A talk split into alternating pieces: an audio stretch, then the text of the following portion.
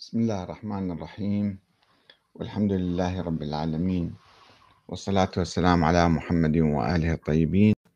ثم السلام عليكم أيها الأخوة الكرام ورحمة الله وبركاته. ومرحبا بكم في برنامج الحوار المفتوح. أنت تسأل وأحمد الكاتب يجيب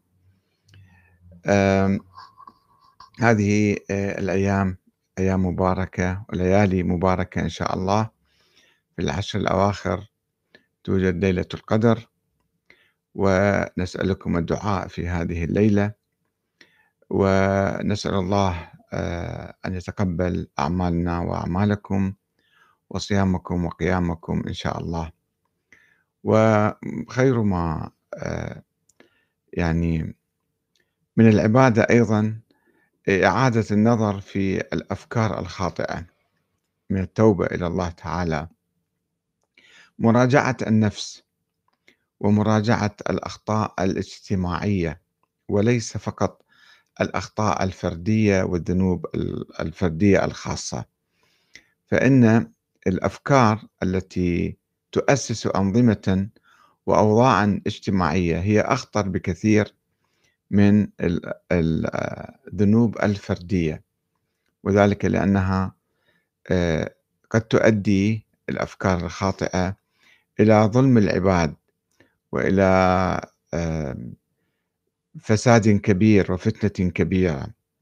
وبالتالي فإذا كان لنا دور في هذه الفتن وفي هذا الفساد لا سمح الله فعلينا أن نستغفر الله في هذا الشهر المبارك ونتوب إليه. ولا نتعصب لمن ينتقدنا لمن مثلا يعيرنا أحيانا أو أو ينتقدنا بعنف يجب أن نرحب به وبنقده ونفكر فيما يقول. فقد يكون كلامه صحيح وقد نكون على خطأ. من دون دفاع عن النفس ولا دفاع عن الطائفة أو الفئة أو الحزب أو الجماعة التي أنتمي إليها أو تنتمي إليها أو ينتمي ينتمي إليها أي واحد لذلك علينا أن نفتح عقولنا في هذا الشهر المبارك ولا سيما في شهر رمضان ولا سيما في آه، ليالي القدر. والآن نبدأ حديثنا إن شاء الله بآيات من الذكر الحكيم. بسم الله الرحمن الرحيم. الحمد لله الذي له ما في السماوات وما في الأرض وله الحمد في الآخرة وهو الحكيم الخبير. يعلم ما يلج في الأرض وما يخرج منها وما ينزل من السماء وما يعرج فيها وهو الرحيم الغفور. وقال الذين كفروا لا تأتينا الساعة. قل بلى وربي لتأتينكم. عالم الغيب لا يعزب عنه مثقال ذرة في السماوات ولا في الأرض ولا أصغر من ذلك ولا أكبر إلا في كتاب مبين.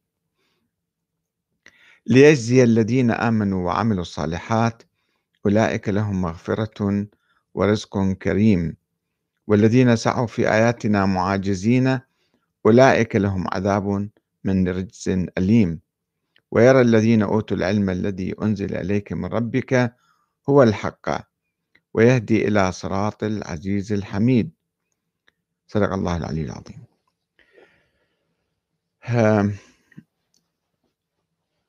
حديثنا يدور اليوم حول رسالة بعث بها أحد الأخوة مخلد الضفيري. سوف نقرأه. وأثارت في الحقيقة آه، يعني نقاشات عديدة نقاشات أصلية حول أصل الموضوع ونقاشات فرعية متعلقة بهذا الموضوع. أنا سوف أقتطف بعض الأجوبة أو بعض الأسئلة لأجيب عليها لأنها عشرات من المداخلات كانت. وابتدأت الرسالة من آه، أو السؤال بالأحرى من الأخ مخلد الضفيري. يقول أستاذ أحمد الكاتب آه، أود أن أقدم لك نصيحة من باب تبرئة الذمة. أنت رجل عالم وباحث وشجاع بطرحك. باقي أن تعلنها مدوية لما توصلت أنت لما توصلت. أنت أقرب للمذهب السني العام. كل بحوثك أوصلتك لهذه النتيجة. أعلنها حتى تختمها بمسك وشكرا لك. عفوا. أنا أجبت بالحقيقة. قلت له لقد تركت جميع المذاهب وآمنت بالإسلام فأنا مسلم ديمقراطي. هذا الجواب أثار يعني عدد من المناقشات بين الأخوة في هذا الموضوع المهم. كيف يمكن الجمع بين الإسلام والديمقراطية؟ أو أن هذا مذهب جديد أو ماذا؟ يعني فعلا هذا يستحق التوقف عنده والتفكير فيه. هل نحن أمام مذهب جديد أم لا؟ نحن فقط مسلمين. البعض آه، اقترح علينا أن نقول فقط نحن مسلمون.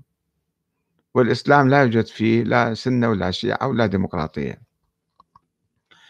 آه، نتحاور الآن ونستمع إلى الأخوة ثم نجيب. أجبت الأخ مخلد الضفيري بما يلي. قلت له آه، هل يمكن أولا أن تعرف لي من هم أهل السنة؟ أي مذهب من مذاهب السنة؟ وما هي ملامحهم ملامح فكرهم؟ وبماذا يمتازون عن المسلمين بصورة عامة؟ البعض يقول هم السنة هم هم المسلمون والبقية مثلا آه، طوائف خارجة عن الإسلام أو على هامش السنة. ولكن هذا كلام ناقشناه سابقا ونناقشه لاحقا أيضا إن شاء الله. وقلت له للأخ الضفيري قلت له يا أخي العزيز لقد درست أنا المذهب السني. وأيضا الوهابي جيدا وبعمق حسب ما أعتقد اجتهدت في ذلك. يعني بحثت بعمق ما قلدت أحد. لم أستمع لأي آه، رأي مسبق. وعندما كنت أبحث حتى في المذهب الوهابي أو الحركة الوهابية أو الفكر الوهابي كما تريدون أن تسموه لم يكن يوجد لدي أي مانع حتى أن أصبح وهابيا. وفي الحقيقة أنا بدأت بحثي عن الوهابية آه، عندما تحدثت في قبل 20 سنة تقريبا آه، في شبكة أنا المسلم شبكة سلفية وتحدثت عن تجربتي حول نقد الفكر الشيعي الإمامي. فجاء أحد الأخوة بعد ما ختمت حوالي ساعة أو أكثر كنت أتحدث آه، سألني قائلا لماذا لا تصبح مسلما؟ فقلت له أنا مسلم بالفطرة يعني مولود من أبوين مسلمين؟ ليش أصبح مسلم؟ يعني كيف يعني؟ قال لا يعني تصبح مسلم. يعني كان يكفرني سابقا ولا يزال يكفرني يعني حتى ذلك الوقت ويكفر عائلتي ويكفر الشيعة ويكفر عامة المسلمين. فأنا انتبهت إلى قضية مهمة جدا أنه الأخ عنده في شيء في ذهنه يرى الإسلام وعندما الموقع كان يقول أنا المسلم يعني هم المسلمون فقط والبقية غير مسلمين. فأنا قمت بدراسة المذهب الوهابي في البداية جيدا ثم درست المذهب السني بصورة عامة وألفت بالحقيقة عدة كتب في هذا الموضوع منها مثلا كتاب تطور الفكر السياسي السني نحو خلافة ديمقراطية. درست الفكر السياسي السني من نشأته وحتى اليوم في القرن العشرين. كما درست أيضا المذهب الوهابي أو الفكر السياسي الوهابي. الفكر السياسي الوهابي قراءة تحليلية. وأيضا قمت بعد ذلك بمقارنة آه، بين الدستور السعودي والدستور الإيراني. في هذا الكتاب الشرعية الدستورية في الفكر السياسي الإسلامي المعاصر آه، دراسة مقارنة بين المملكة العربية السعودية والجمهورية الإسلامية الإيرانية. لاحظت التطورات الحاصلة في هذين الفكرين. ف فعندما أقول فت كلام لا أقوله بصورة يعني عاطفية أو شعاراتية وإنما وجدت فعلا أخطاء وانحرافات وبدع في المذهب السني وبالتركيز المذهب الوهابي. الوهابية طبعا فريق من السنة البدع الموجودة في نظري أو الأخطاء والانحرافات وأساس الانحراف موجود بما يسمى السنة النبوية الموضوعة، يعني السنة المتواترة العملية كل المسلمين يعمل يعني يلتزمون بالكتاب والسنة، لكن لماذا يميز أهل السنة أنفسهم بأي سنة؟ بالتوسع بالأحاديث الموضوعة أيضا يقبلونها ويعتبروها آه، هذه جزء من السنة. وأيضا أصل الإجماع أصل الإجماع مصدر تشريعي مقابل أو إلى جانب الكتاب والسنة. فهذا نوع من الإبداع. ولا يجوز أن نعتبر الإجماع المسلمين هو أصل تشريعي. يمكن نلجأ للإجماع في حل بعض المشاكل السياسية أو الآنية أو العرفية آه، الإجماع أو الأكثرية حتى. ولكن أن يصبح الإجماع مصدرا تشريعيا يجب الالتزام به بالنسبة للأجيال القادمة. فأنا قلت هذه أخطاء آه، أسفرت. يعني هالأصلين أصل السنة النبوية الموسعة القولية والإجماع كان منبعا لكثير من الأحكام والمسائل السياسية بالذات. ولذلك أنا قلت أصبحت مسلما ديمقراطيا لا سنيا ولا شيعيا ولا وهابيا. فالأخ أحمد حمود يقول هذا هو الصح. الأخ عبد الكريم قاسم الشرنخي يقول صدقت ورب الكعبة وأسرفت في الصدق فداعش وأخواتها الكثيرات تدل على ما قلت تماما تماما. الأخ حسن حمدان يقول أحسنت أستاذ أحمد إن الدين عند الله الإسلام واسمنا مسلمون. آه الأخ جاسم مليح الطائي أو يقول ما هو الفرق الجوهري بين السنة والوهابية؟ ممكن جواب من أحمد الكاتب. فقلت له أرجو أن تقرأ كتبي. هذه الكتب الثلاثة. أو الاثنان. آه، حتى تعرف الفرق الكبير بينها. وأحيانا تختلف وأحيانا تتفق في بعض الأحيان. الفكر السياسي السني الفكر السياسي ولد في أحضان الأنظمة المستبدة عبر التاريخ من الأمويين إلى العباسيين إلى العثمانيين إلى غيرهم إلى الآن. فنظر لها وللاستبداد المطلق. وأما الوهابية فكانت قد أضافت تكفير عامة المسلمين إلى الفكر الاستبدادي فكانت داعش وكانت غيرها من الحركات التكفيرية ولا يزالون يكفرون الناس في الحقيقة هذه مشكلة. الوهابية نسختان نسخة قديمة قبل 300 سنة ونسخة حديثة. النسخة القديمة كانت تركز على مسألة القبور ودعاء القبور وزيارة الأموات أما الوهابية الحديثة فهي تركز على محاربة آه، الشورى محاربة مشاركة الأمة واعتبار الديمقراطية كفر وشرك وإلحاد. هذا الشيء يعني تكفير في غير محله وتطرف في التكفير وهو أيضا يمت بصلة إلى داعش. فالأخ جاسم مرة ثانية يقول لي يظهر أنك تفكر في الفكر السياسي وليس الديني وتتكلم على أسلوب الأنظمة السياسية السنية. والآن تخوض تجربة الشيعية السياسية. وهذا لا يعنيني وليس هذا سؤالي. سؤالي ما هو الفرق بين الدين السني والدين الوهابي؟ أه قلت له عفوا أنا لم أستخدم كلمة الدين السني أو الدين الوهابي. وأرفض طبعا استخدام كلمة الدين الشيعي. فالجميع مسلمون إن شاء الله. كلهم يؤمنون بالله تعالى واليوم الآخر والنبي والأنبياء ويصلون ويصومون ويحجون ويزكون. فما في فرق بالإسلام بين مختلف الطوائف الإسلامية. ولكن الاختلاف بينهم في الفكر السياسي وليس في الدين. وعندما نقول الشيعي يعني الفكر الشيعي غير الفقه الجعفري. الفقه الجعفري لا يختلف كثيرا عن أي مجتهد في داخل المذهب الشيعي أو داخل المذهب السني. المجتهدون يجتهدون وقد يتفقون وقد يختلفون في بعض المسائل الحادثة الجديدة. إنما الاختلاف الرئيسي هو حول الفكر السياسي السني اللي كان دائما يدعم استبداد الحكومات المطلق طبعا الفكر السياسي السني أيضا هو متنوع. وليس فكرا واحدا. فكر مثلا الجيل الأول فكر المعتزلة كان يقوم على الشورى. ولكن آه، كلمة السني أو المذهب السني يعني المذهب الحنبلي. المذهب الحنبلي هو أساس المذهب السني.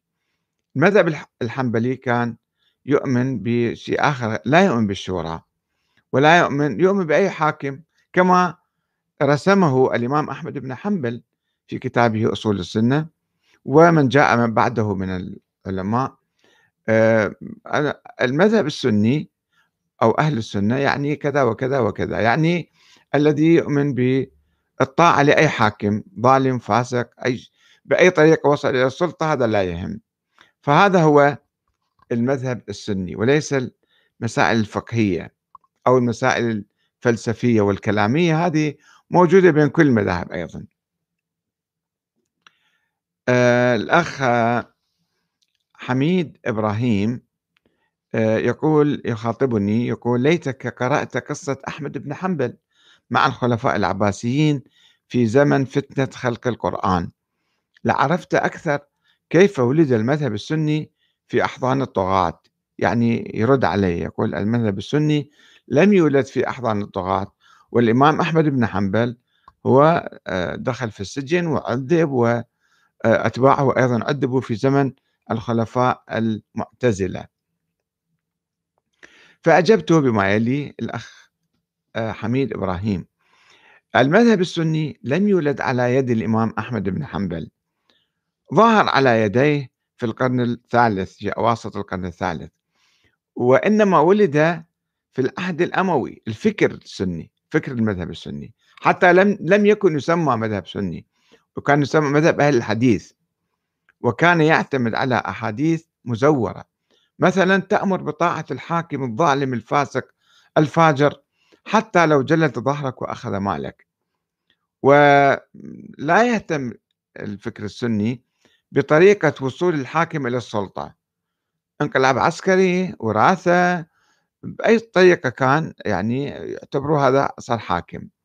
فمتى ما سيطر أي شخص على السلطة بأية وسيلة يسمى أمير المؤمنين ويحرم أن يبيت الرجل ولا يعتقد بإمامته كما يقول أحمد بن حنبل. لذلك كان أحمد يوصي بطاعة الخلفاء العباسيين المعتزلة رغم سجنه وتعذيبه ورغم تبديعه لهم للمعتزلة. آه، وتكفير مع بعض أنه يقول بخلق القرآن. من يقول بخلق القرآن. وإخراجه من أهل السنة مع ذلك أن يقول آه، أتباعه طالبوه بالثورة مثلا الاحتجاج كان يقول لا. اسكتوا وقعدوا في بيوتكم وأطيعوا الحاكم.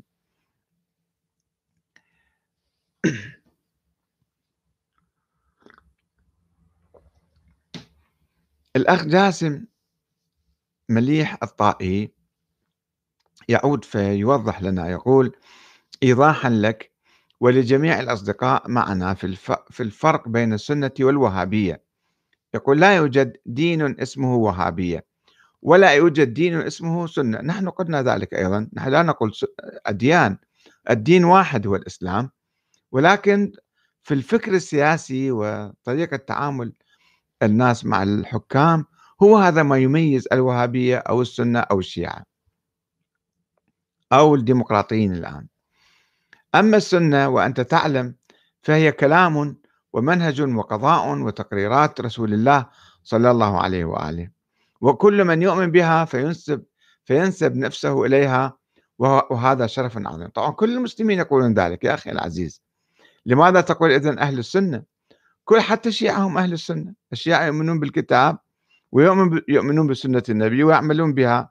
ويؤمنون بكلامه ومنهجه وقضائه وتقريراته. هذا ما في خلاف. فلماذا تخرج الشيعة مثلا أنت من أهل السنة؟ فهذه مشكلة. يعني بعض الناس يتصور نفسه فقط هو اللي يؤمن يعني يعمل بسنة النبي. أما الوهابية يواصل الأخ جاسم. يقول أما الوهابية فهم الذين أهل السنة نفس الشيء يعني يقول الذين تمسكوا في الكتاب والسنة تمسكا صحيحا فنبذوا الخرافات والتجاويف والتجاعيد والمنعطفات والبدع ورجعوا إلى السنة الصحيحة فأسلموا وجوههم لله تعالى وحده في شعائرهم الدينية كما في الكتاب والسنة. آه لكن هذا لا يرق لمن أدخل على الدين وليس منه مثل الذين يأكلون الزجاج ويتدروسون ويضربون الرؤوس ويرقصون في الحفلات الدينية واعتادوا عليها فكل من يخالفهم يقال عليه وهابي. لا أخي العزيز أنت تقصد يمكن الصوفية بهذه الأمثلة التي ضربتها. ليس فقط الصوفية وإنما الوهابية. يعني يمكنك تقرأ كتابي الفكر السياسي الوهابي موجود على النت أيضا. ليس فقط يعني صحيح الدروشة والبدع اللي تجي عند كل المذاهب موجودة. والدعوة إلى توحيد الله تعالى وترك الخرافات والبدع أني معك. فهذا ليس موضع خلاف وإنما الكلام حول التطرف في التكفير في تكفير الناس في أبسط الأمور مثلا. طبعا الوهابية مرت بمراحل عديدة في نشأتها شيء ومرت ب حتى الآن بالسعودية ليس كلهم يعني هناك وهابية معارضة وهابية مدجنة وهابية جامية أو كذا. يعني فرق عديدة بالوهابية أيضا. آه، ليس وبعضهم يكفر بعضا. يكفرون حتى الحكومة السعودية وهيئة آه، كبار العلماء في السعودية.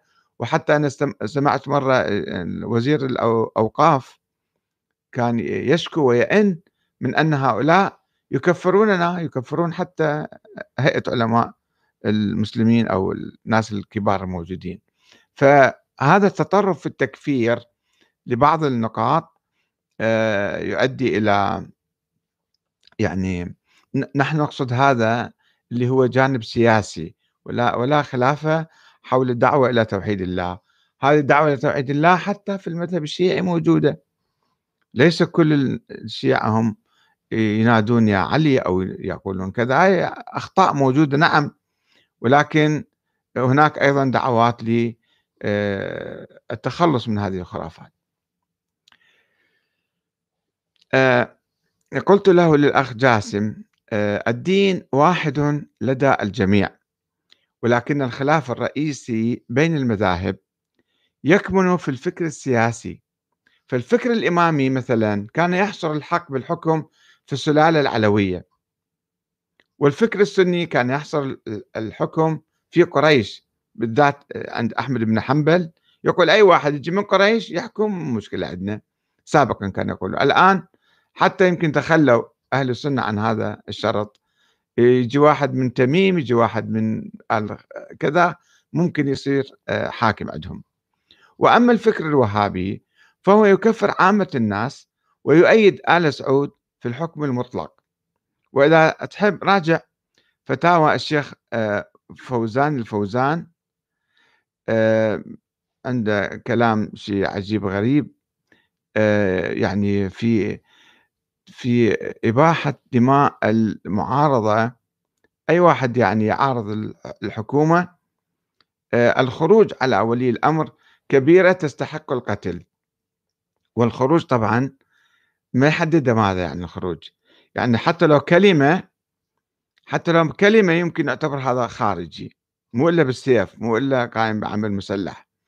إذا واحد خرج مظاهرة أتذكر أحد المشايخ في صلاة الجمعة في السعودية كان يقول لو بنصف كلمة واحد يتكلم ضد النظام فهذا يستحق الإبادة. كما هذا الشيخ الفوزان هاي أمامي الآن عنده مقابلة يقول الخروج على ولي الأمر كبيرة تستحق القتل.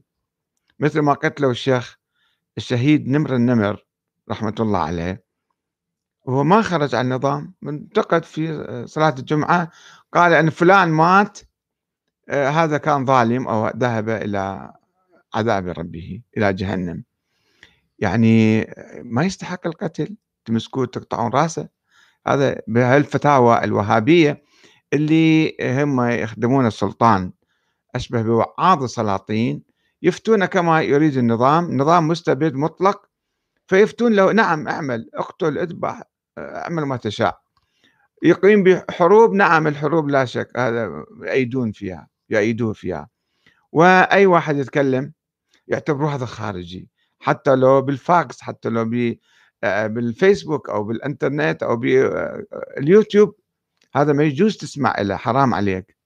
فهنا المشكلة المشكلة في الفكر التطرف في التكفير وفي استباحة القتل للمعارضين. وسابقا في العهد الأول مالهم قبل 200 300 سنة كان يعتبرون أي واحد يخرج حتى لو كان وهابيا موحدا.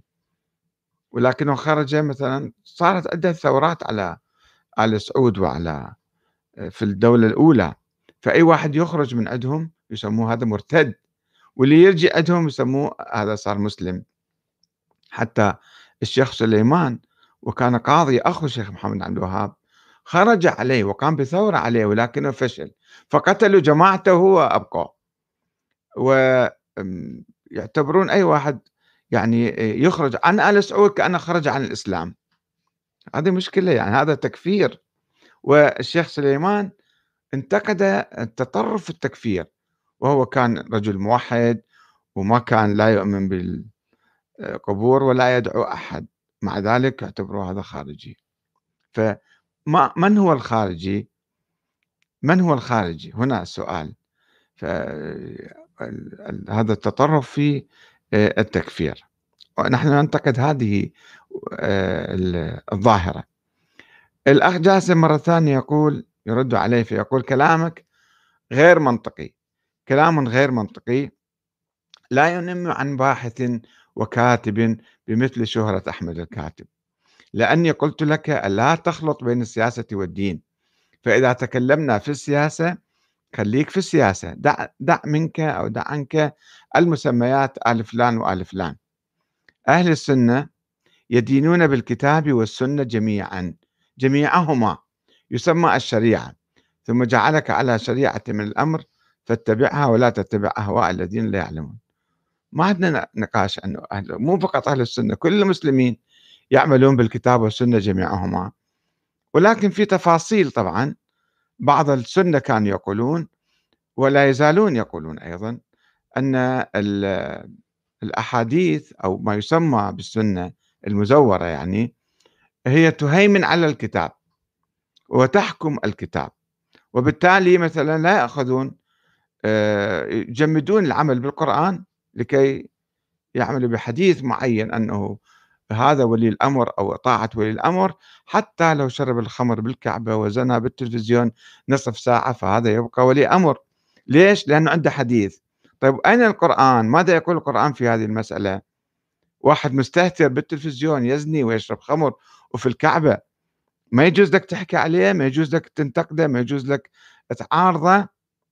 شوفوا شلون تناقض يعني أنه هذا خلص حاكم ولي أمر يضخمون هذه المسألة يضخمون يعني يأيدون الاستبداد ويدعون إلى الطاعة المطلقة.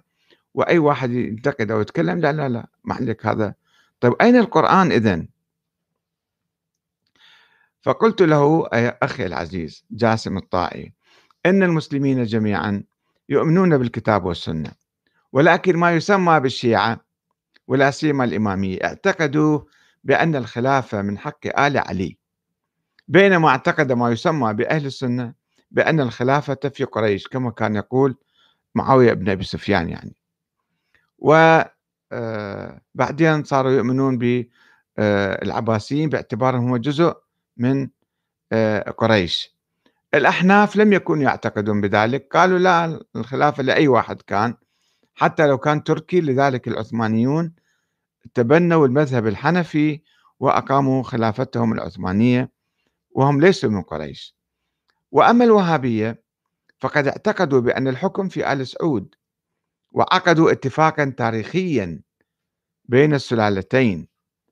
يعني محمد بن عبد الوهاب ومحمد بن سعود عقدوا أنه آه، أنه إحنا نعقد اتفاق تاريخي للأج للأجيال القادمة آآ أنت تدعمنا وتدعم عائلتي وسلالتي وأبنائي وأحفادي، وأبنائي وأحفادي يدعموك أيضًا.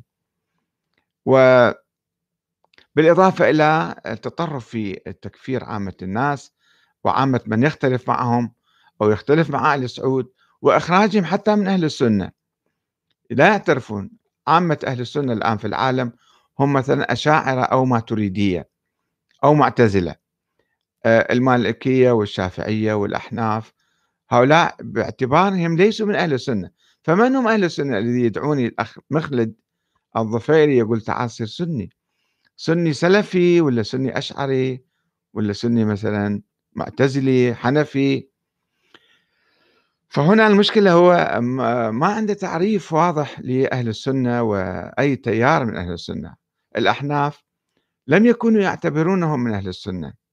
وكذلك حتى الآن إذا تذهبون للسعودية يقولون نحن الحنابلة فقط أهل السنة والأشاعرة اللي هم المالكية والشافعية.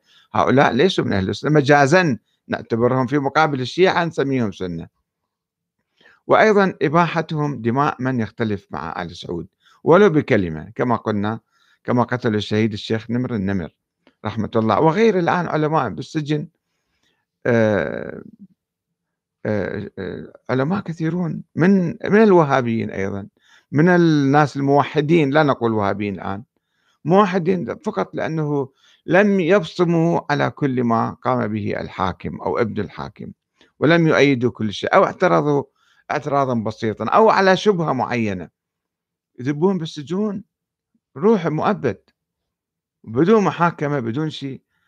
أو أشياء بسيطة مثلا آه، يشوفون يضطهدون الناس. وهؤلاء لا يتكلمون ويأيدون الشيوخ قاعدين فقط يأيدون ما يفعل الحاكم. والآن الوهابية الحديثة كما قلت آه، تعتبر الديمقراطية أو الشورى الحقيقية. آه، هذا كفر وإلحاد وشرك.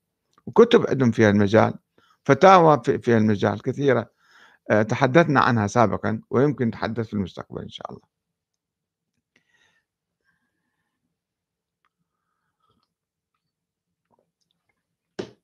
الأخ آه، حبيب قاسم يقول تحياتي توصلت لنفس النتيجة من حيث تصنيف المذاهب. وليس من السهل تبني خرافات وشطحات المذاهب وحشر الاستنتاجات التاريخية باستنتاج يرضي الجماعة. أنا مسلم من دون مذهب وأرجو أن أكون من الذين يستمعون القول ويتبعون أحسنه. الذين يستمعون القول فيتبعون أحسنه. أولئك الذين هداهم الله وأولئك هم أولي الألباب. أما أن أكون محاميا عن شبهات المذهب الموروث فهذا لا يعنيني. والذين يقضون وقتهم للدفاع عن الشطحات فيصبح دينهم مسلم شطحات فمذهبهم ينقسم إلى مساحتين. مساحة مساحة تقوية المذهب عبر نبش شطحات الغير ومساحة تكحيل شطحات المذهب. هكذا تصبح المذاهب المذكورة متساوية ومتطابقة. إسلامي يرتكز على القرآن الكريم. ومحاولة إعطاء الله حق قدره وعدم صرف مساحة العبادية بثقلها على الشخصيات وتمجيدهم. بل تمجيد الله فيجب احترام نسبية ثقل الله مقارنة مقارنة بعباده. فلا يصبح الدين عبادة أشخاص ولو افتراضيا عبر هدر مساحة تمجيد الله بتمجيد المخلوقات. أحسنت. الأخ أحمد بزاز يقول أنا أقرأ لك ووجدتك رائعا ولكنك أو الاتفاق معي أن عليا أو يسأل عن الموضوع كان الأجدر بولاية المسلمين بعد خاتم الأنبياء. فقلت له عفوا أخي الكريم أحمد بزاز هذا سؤال لا ينتج فائدة معينة ولا سيما إذا عرفنا بأن الإسلام لم يتحدث عن نظام الحكم ولا من يتولى وكيف ينتخب ومن ينتخبه فلا بد أن نفكر في مش مشكلتنا المعاصرة في الحكم ونقيم النظام السياسي الأصلح العادل لنا اليوم. الأخ مروان الراجحي يقول أحسنت أستاذ أحمد استفدنا حقيقة والله منك الكثير والكثير. نسأل الله أن يحفظك شيخنا ويطول عمرك. شكرا جزيلا. آه، الأخ باشا منصور يقول المشكلة أنك لم تدرس الديمقراطية جيدا ولو درستها بتفرد لكفرت بها أيضا مودتي. قلت له أخي العزيز أساس الديمقراطية هو دور الشعب في اختيار الحاكم ومراقبته ونقده وتغييره وأيضا الفصل بين السلطات التشريعية والقضائية والتنفيذية وما عدا ذلك تفاصيل. وبالطبع فإن النظام الديمقراطي ليس مثاليا ولكنه أفضل من الدكتاتورية والاستبداد والحكم العسكري. فأجابني مرة أخرى قال ما تطرقت إليه هو آليات تنفيذ الديمقراطية وكيفية العمل بها وليس فلسفة الديمقراطية وتبعاتها السياسية والاجتماعية. إن الديمقراطية يا عزيزي ليست مثالية كما تفضلت إلى درجة أنها لا يمكن بأي حال من الأحوال أن تصل إلى مرحلة القطعية الشرعية. بمعنى لا يمكن الاطمئنان على أنها النموذج الديني المقبول الذي يرتقي أن يكون نهجا أو سلوكا دينيا لا إثم ولا شبهة فيه مودتي.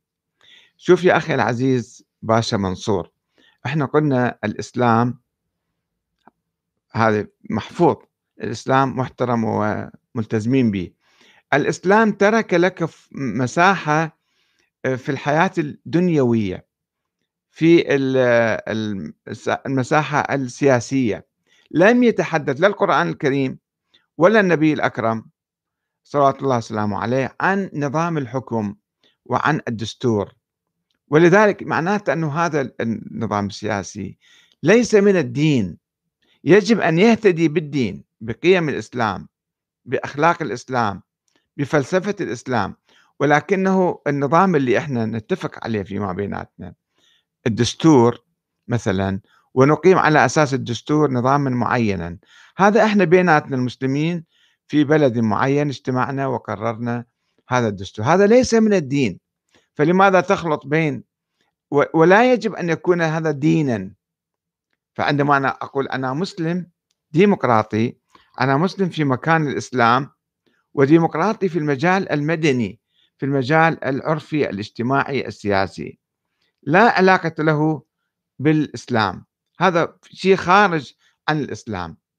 الإسلام توحيد الله الإيمان بالآخرة الإيمان بالنبي محمد والأنبياء السابقين والالتزام بالمحرمات والواجبات والأخلاق والقوانين الإسلامية. هذا كله في مكانه. ولكن ماذا عن نظام الحكم؟ نقول هو الديمقراطية. الأخ أنور حسن يقول آه، أستاذ أحمد الكاتب أنت تستخدم مصطلح الديمقراطية في ذات الوقت الذي تهاجم فيه الإجماع عند السنة رغم أن الديمقراطية تعني الإجماع إجماع الأكثرية على الأقل. إجماع أهل السنة هو إجماع النخبة وليس إجماع العامة ممن لا يفقهون في شيء سوى هموم يومهم. لو كنت من أهل الإجماع كان خيرا. طبعا تعريف الإجماع يختلف عند أهل السنة كثيرا في تعاريف عديدة ومنهم من ينكر أساس الإجماع كالإمام أحمد بن حنبل. آه، حدوث الإجماع يعني. أنا أجبته الأخ أنور حسن قلت له الإجماع وحتى لو نتنزل مو الإجماع 100% الأكثرية مثلا قانون اللجوء إلى الأكثرية. أفضل حل للخلاف بين الناس عندما آه، يحدث خلاف حول أمر عام. ولكنه في الأمور العرفية والسياسية مو في الأمور الدينية. الأمور الدينية ما عندنا أمور الدينية بالكتاب والسنة موجودة. ولا يصبح إجماع جيل معين دينا وشرعا وأصلا تشريعيا مثلا يجب الاقتداء بذاك الإجماع إلى يوم القيامة. مثلا الصحابة أجمعوا على شيء. هذا إجماعهم في لحل مشكلتهم في ذلك الزمان. ف لا يصبح هذا واجب على جميع المسلمين إلى يوم القيامة أن يقتدوا بالصحابة في أمور اللي هي خارج الدين في الأمور العرفية والسياسية. أنا ما أطيل عليكم النقاش طويل وسوف نتابع أيضا إن شاء الله. هذا النقاش بعد آآ كثير موجود من الأخوة إن شاء الله نتابع في الليالي القادمة. إلى هنا نكتفي آآ بهذا القدر، وشكرًا جزيلًا لكم، والسلام عليكم، ولا تنسونا من صالح دعواتكم خاصةً في ليالي القدر إن شاء الله، وفي هذه الليالي المباركة عمومًا، والسلام عليكم ورحمة الله وبركاته.